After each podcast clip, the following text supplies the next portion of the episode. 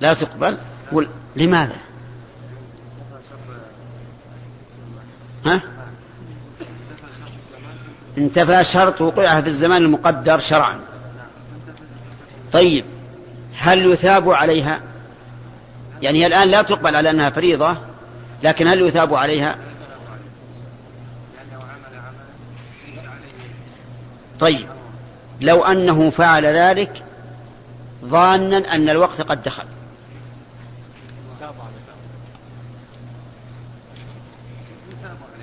نعم يثاب عليها لكن لا تبرأ بها ذمته لأنها في غير الوقت المقدر أو المحدد شرعا. طيب أحسن طيب صلى الصلاة الظهر مثلا بعد خروج وقتها. صلى الظهر بعد خروج وقتها فهل تقبل منها لأنها فريضة؟ الأخ قم. هذا الذي التفت الذي التفت. السؤال. صلى الظهر بعد خروج وقتها.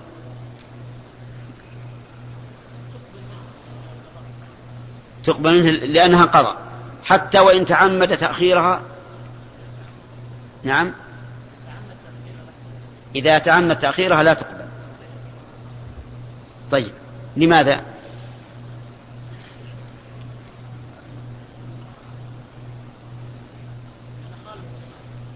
خالف الشرع في في الزمان. أحسنت. إسرع. طيب. الأخ أو أخذت إيه، إذا صلى الظهر بعد وقتها لعذر كالنسيان أو النوم الذي ليس عنده من يوقظه فما رأيك؟ تقبل؟ ما هو الدليل؟ أصبر يا لا له نعم.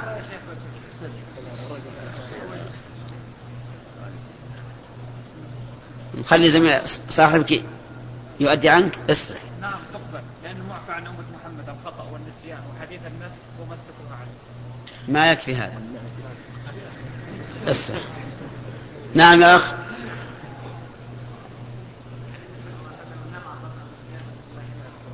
إيش؟ تمام. احسنت من نام عن صلاة أو نسيها فليصلها إذا ذكرها. لا كفارة لها إلا ذلك. ثم تلا قوله تعالى وأقم الصلاة لذكري.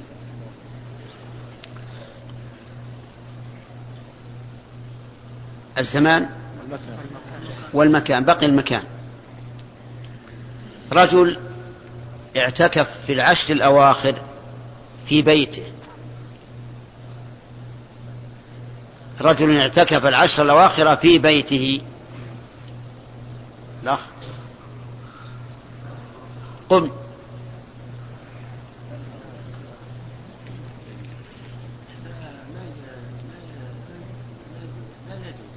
هل يقبل اعتكافه ويثاب ثواب المعتكف؟ لماذا؟ لا في العشر الأواخر. أي نعم في العشر الأواخر من رمضان. لأنه خالف في المكان. أين مكان الاعتكاف؟ في المسجد. مكان الاعتكاف في المسجد. وأنتم عاكفون في المساجد. هكذا الآية. فإذا لو اعتكف في بيته لم يقبل لأنه خالف الشرع في المكان. أحسن. إذا العبادة لا تكون لا تكون موافقة للشرع إلا إذا وافقت الشرع في ستة أمور وسمعتموها وذكرتم ما يكون مخالفا لها. طيب. البدعة في دين الله في العقيدة في القول في العمل هل تقبل أو لا تقبل؟ البدعة ما نقبل اليسرى جزاك الله خير. ما ما نقبل جوابك انت لأنك رفعت اليسرى ارفع اليمنى أفضل. لا تقبل البدعه تمام. اسرع. اسرع. سواء كانت حقي... سواء في العقيدة أو في القول أو في العمل. لقول النبي صلى الله عليه وآله وسلم كل بدعة ضلالة وكل ضلالة في النار. والضلال لا يقبل. لأن الله لا يقبل إلا ما كان حقا. والبدعة ضلال وباطل. كل بدعة. ولا فرق بين البدعة في العقيدة والبدعة في القول والبدعة في العمل. لأن الحديث عام. كل بدعة بدون تفصيل. والقائل كل بدعة ضلالة. من؟ الرسول صلى الله عليه وآله وسلم ونحن نتفق جميعا على أن النبي صلى الله عليه وآله وسلم أعلم الناس بشريعة الله أليس كذلك؟ ونحن متفقون جميعا أن النبي صلى الله عليه وآله وسلم أصدق الناس قولا أليس كذلك؟ ونحن متفقون جميعا على أن النبي صلى الله عليه وآله وسلم أنصح الخلق للخلق. متفقون على هذا؟ ونحن متفقون جميعا على أن النبي صلى الله عليه وآله وسلم أفصح الخلق. أفصح الخلق. كلامه أفصح كلام الخلق. ولا مراء في ذلك. أعطاه الله تعالى مفاتيح الكلم. واختصر له الكلام. وتجد الكلمتين أو الثلاث كلمات من كلام الرسول عليه الصلاة والسلام تقابل مجلدات. لأنه أعطي جوامع الكلم عليه الصلاة والسلام. ثم إن كلامه واضح بين عليه النور. فهذه أربعة أشياء. أولا أنه إيش؟ أعلم الخلق بشريعة الله. ثانيا أصدق الخلق فيما يقول. ثالثا أنصح الخلق للخلق. رابعا أفصح الخلق. فإذا اجتمعت هذه الأمور الأربعة في كلامه وقال لنا كل بدعة ضلالة هل يمكن لأحد أن يكسر هذا السور الكلي ويقول من البدع ما هو حق ومن البدع ما هو هدى. الجواب لا لا يمكن. فمن ظن من الناس أن بدعة من البدع تكون حسنة فهو مخطئ إما في كونها بدعة وإما في كونها حسنة. أرجو الانتباه ولا سيما طلبة العلم. من القائل كل بدعة ضلالة؟ الرسول عليه الصلاة والسلام. فمن ظن عن شيء محدث في الدين أنه حسن فهو مخطئ. إما في كونه بدعة وإما في كونه حسنا. أما أن يجتمع في شيء كونه بدعة وكونه حسنة فهذا مستحيل. مستحيل بكلام من؟ بكلام الرسول صلى الله عليه وآله وسلم. كل بدعة ضلالة. ما فيه ما استثنى شيئا أبدا. فإن قال قائل هناك شيء من البدع استحسنه العلماء. بل أثنى عليه الخلفاء الراشدون.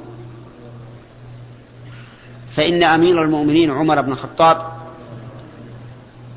أفضل الخلق أفضل هذه الأمة بعد أبي بكر رضي الله عنهما.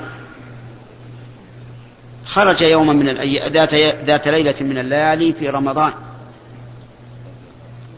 ووجد الناس يصلون أوزاعا يصلي الرجل وحده والرجلان والثلاثة فرأى أن تفرق الأمة في مسجد واحد على هذا النحو غير سديد.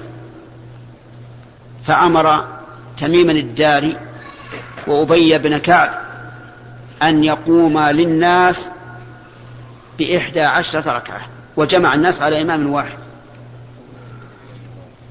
فخرج ذات ليلة ووجد الناس يصلون على إمام واحد. فقال نعمة البدعة هذه نعمة البدعة هذه. فأثنى على البدعة فكيف يثني أمير المؤمنين عمر بن الخطاب على بدعة وقد وصف النبي صلى الله عليه وآله وسلم البدعة بأن كل بدعة ضلالة؟ أجب. في واحد.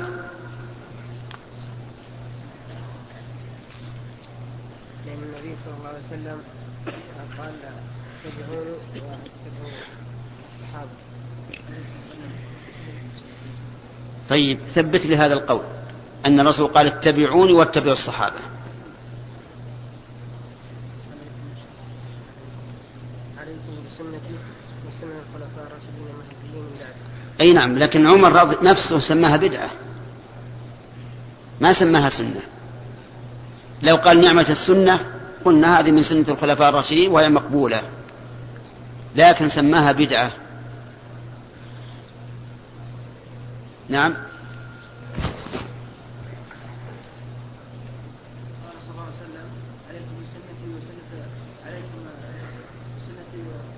وسنة الخلفاء. طيب. لكن عمر ما سماها سنة سماها بدعة.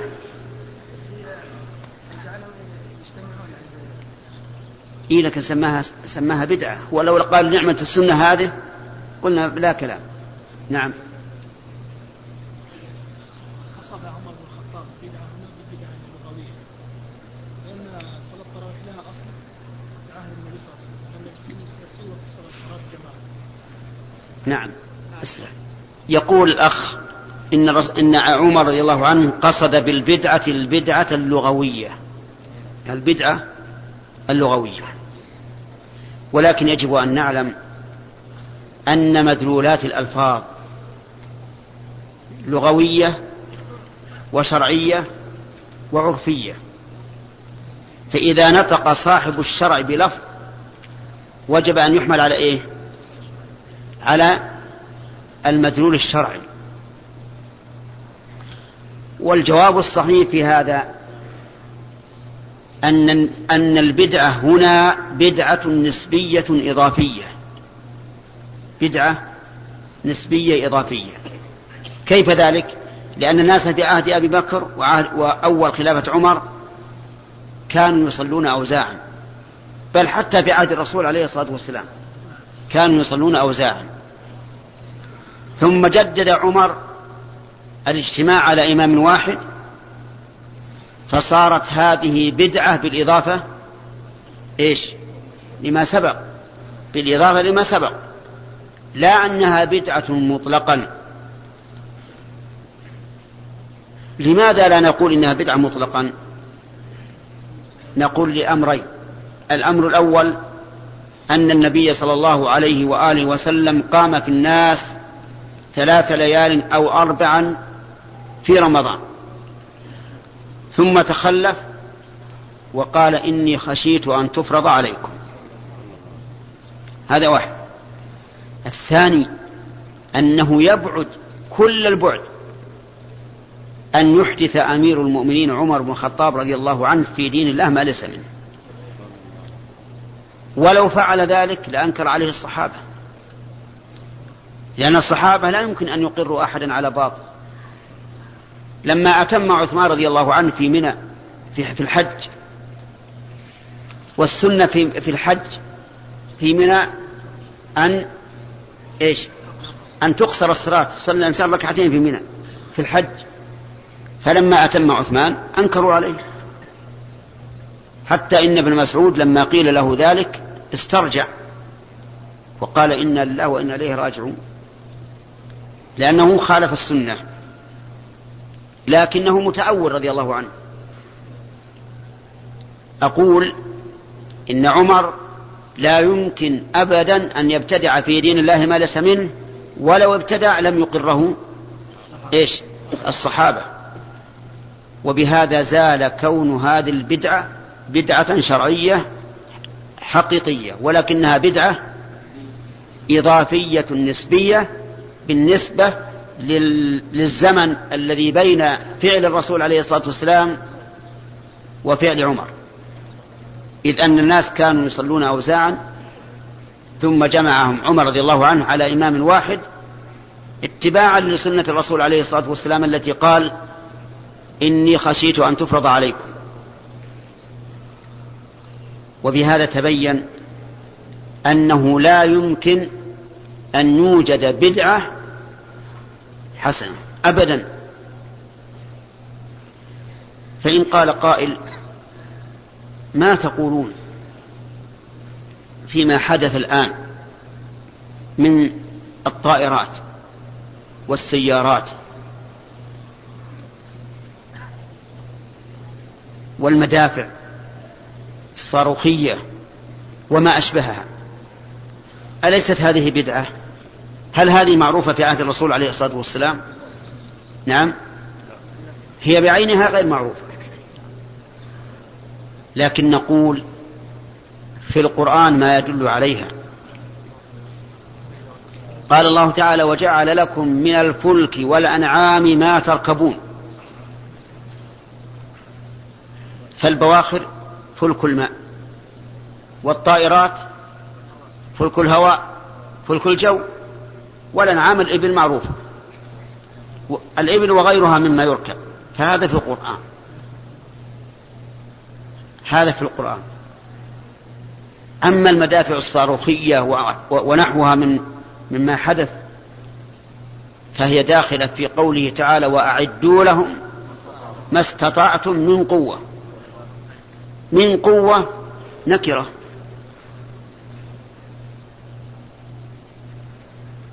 فإذا كانت نكرة تشمل كل ما يكون قوة لنا على أعدائنا. كل قوة. طيب فإن قال قائل طباعة الكتب. طباعة الكتب بدعة. لأنها غير معروفة في عهد الرسول عليه الصلاة والسلام. تسجيل صوت المحاضر والخطيب والقارئ بدعة لأنه غير غير معروف في عهد الرسول عليه الصلاة والسلام. فما الجواب؟ نعم. الجواب أن هذه وسائل غير مقصودة لذاتها. نحن نسجل كلام الخطيب أو المحاضر أو القارئ من أجل الاحتفاظ به. فهي وسيلة لمقصود شرعي. والوسائل عند العلماء لها أحكام. المقاصد قاعدة أصولية. الوسائل لها أحكام المقاصد. في فرش المساجد الآن في الفرش خطوط.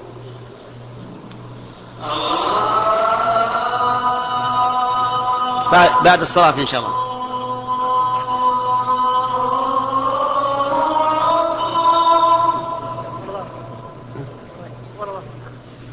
لا ما شاء الله هذا زين. ويوم قضى الوقت تجيب لا لا عندنا الله أكبر الله أكبر.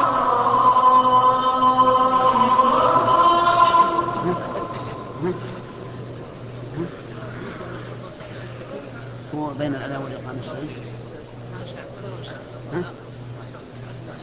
لكن أنا أتكلم عنه طيب أنا خابت. في الأول كانوا يقتلون طيب. آه نكلم إن شاء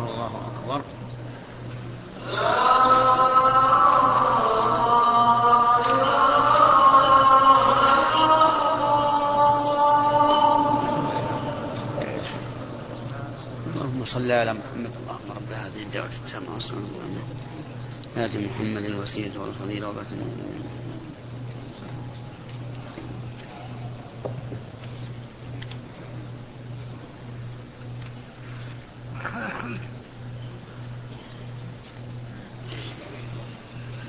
المساجد فيها فرش فيها خطوط لتسوية الصفوف.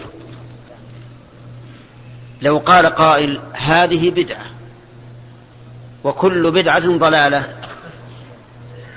ماذا نقول؟ نقول هذه وسيلة لتسوية الصف وتسوية الصف مقصود للشرع. أمر النبي صلى الله عليه وآله وسلم به وهدد على مخالفته. فقال لا تسون صفوفكم أو ليخالفن الله بين وجوهكم. وقال لا تختلفوا فتختلف قلوبكم. فنحن نفعل هذا لسنا نتعبد لله بهذا الخط ولكننا نريد أن نقيم عباد الله على ما أمر به رسول الله صلى الله عليه وآله وسلم. مكبر الصوت. مكبر الصوت. هل هو موجود في عهد الرسول؟ غير موجود. هل نقول إن أداء الأذان والصلاة بواسطة مكبر الصوت بدعة. أجيب. لا. لأننا لسنا نتعبد لله بكون الأذان بواسطة المكبر الصوت أو بكون الصلاة بواسطة مكبر الصوت. لكننا جعلنا ذلك وسيلة لإبلاغ الصوت. جعلناه وسيلة لإبلاغ الصوت. لولا هذه المكبرات ما سمعنا أذان المؤذن ونحن هنا في المسجد. ولولا هذه المكبرات ما سمعنا تكبير الإمام ونحن في هذا. لكن هذا من تيسير الله عز وجل أن يسر لنا مثل هذه الآلات للوصول بها إلى غرض مقصود شرعا. إذا ما هي البدعة؟ ما تعبد الإنسان به لله من عقيدة أو قول أو عمل. أما ما كان من أمور الدنيا فإنه لا ينهى عن شيء حدث منه ما لم يكن محرما بجنسه أو نوعه. وأما الوسائل التي يتوصل بها إلى مقصود شرعي فليست ببدعة أيضا. وإن لم تكن معروفة عند السلف لأن الناس لا يتعبدون بها لذاتها وإنما يريدون التوصل بها إلى أمر مقصود شرعا. ولهذا يجب على الإنسان أن يحرر هذا المقام مقام البدعة ومقام السنة. لأن بعض الناس جعل كل شيء حدث بدعة وبعض الناس أحدث في دين الله ما ليس منه وجعله سنة. وقد ذكرنا مفاسد البدعة فبلغت إلى عشر مفاسد. إلى عشر مفاسد. البدعة ليست بهينة في دين الله. إلى عشر مفاسد. فهل ممكن أن نستعين الآن أو أن نتعاون الآن على إحصاء هذه المفاسد؟ ننظر. يعني نستعين الله. ونتعاون فيما بيننا لعد هذه المفاسد المفسدة الأولى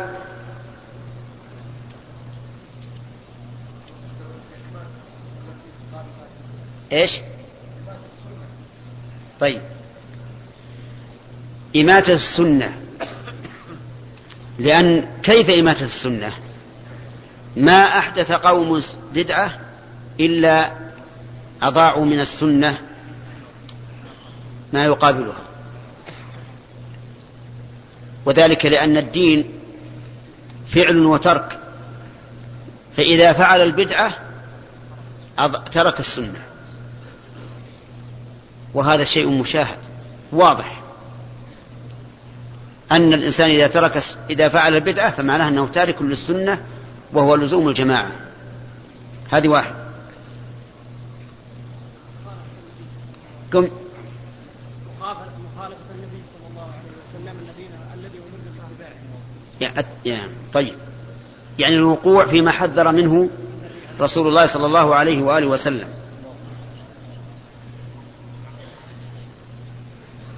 الاستدراك على الشرع نعم أحسنت. أنها تتضمن الاستدراك على الشرع وأن الشرع لم يتم ففيها مضادة لقول الله تعالى اليوم أكملت لكم دينكم. كأن هذا المبتدئ يقول ما كمل الدين. في الشريعة ما, ما, ما ذكرت في الدين ويثبتها. كم هذه؟ ثلاثة. إيش؟ أنت أشرت. أي طيب. نعم. والقيام القيام مع القدرة. ضد الخلاف بين أمة النبي صلى الله عليه وسلم وتقديمه. تمام. إشاعة الخلاف والفرقة بين الأمة. إشاعة الخلاف والفرقة بين الأمة. لأن هؤلاء المبتدعين خرجوا وخالفوا الأمة. وهذا لا شك أنه يضر بالأمة الإسلامية. الأمة الإسلامية إذا تفرقت واختلفت انكسرت شوكتها وضعفت أمام العدو ولهذا نجد أعداء الإسلام الذين يصرحون بالعداوة أو الذين يظهرون الصداقة للإسلام يحاولون بشتى الطرق أن يفرقوا جماعة المسلمين حتى إنهم يحاولون أن يفرقوا كلمة أهل العلم والإيمان.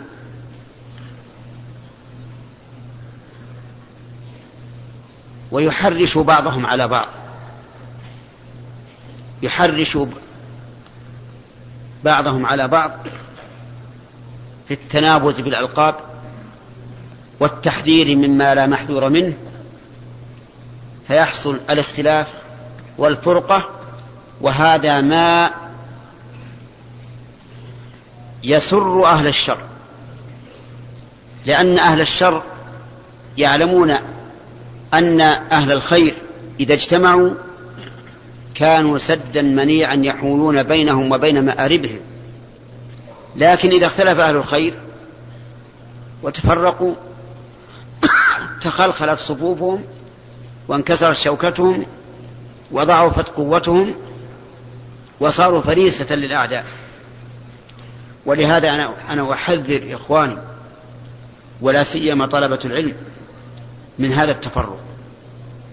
وأقول إن هذه الصحوة الإسلامية في بلادنا وغير بلادنا يجب أن لا تهلك أو أن لا تقتل بعد أن تولدت ولله الحمد.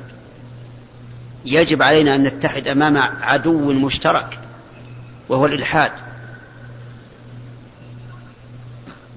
والفسق والمجون. لأننا إذا اختلفنا فلا قيمة لنا. هذه خمس أشياء. أربعة؟ نعم.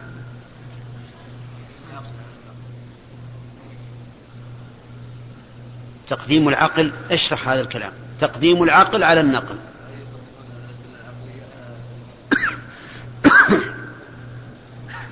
ما نجعل هذه من أسباب البدعة؟ أو نصوغ هذا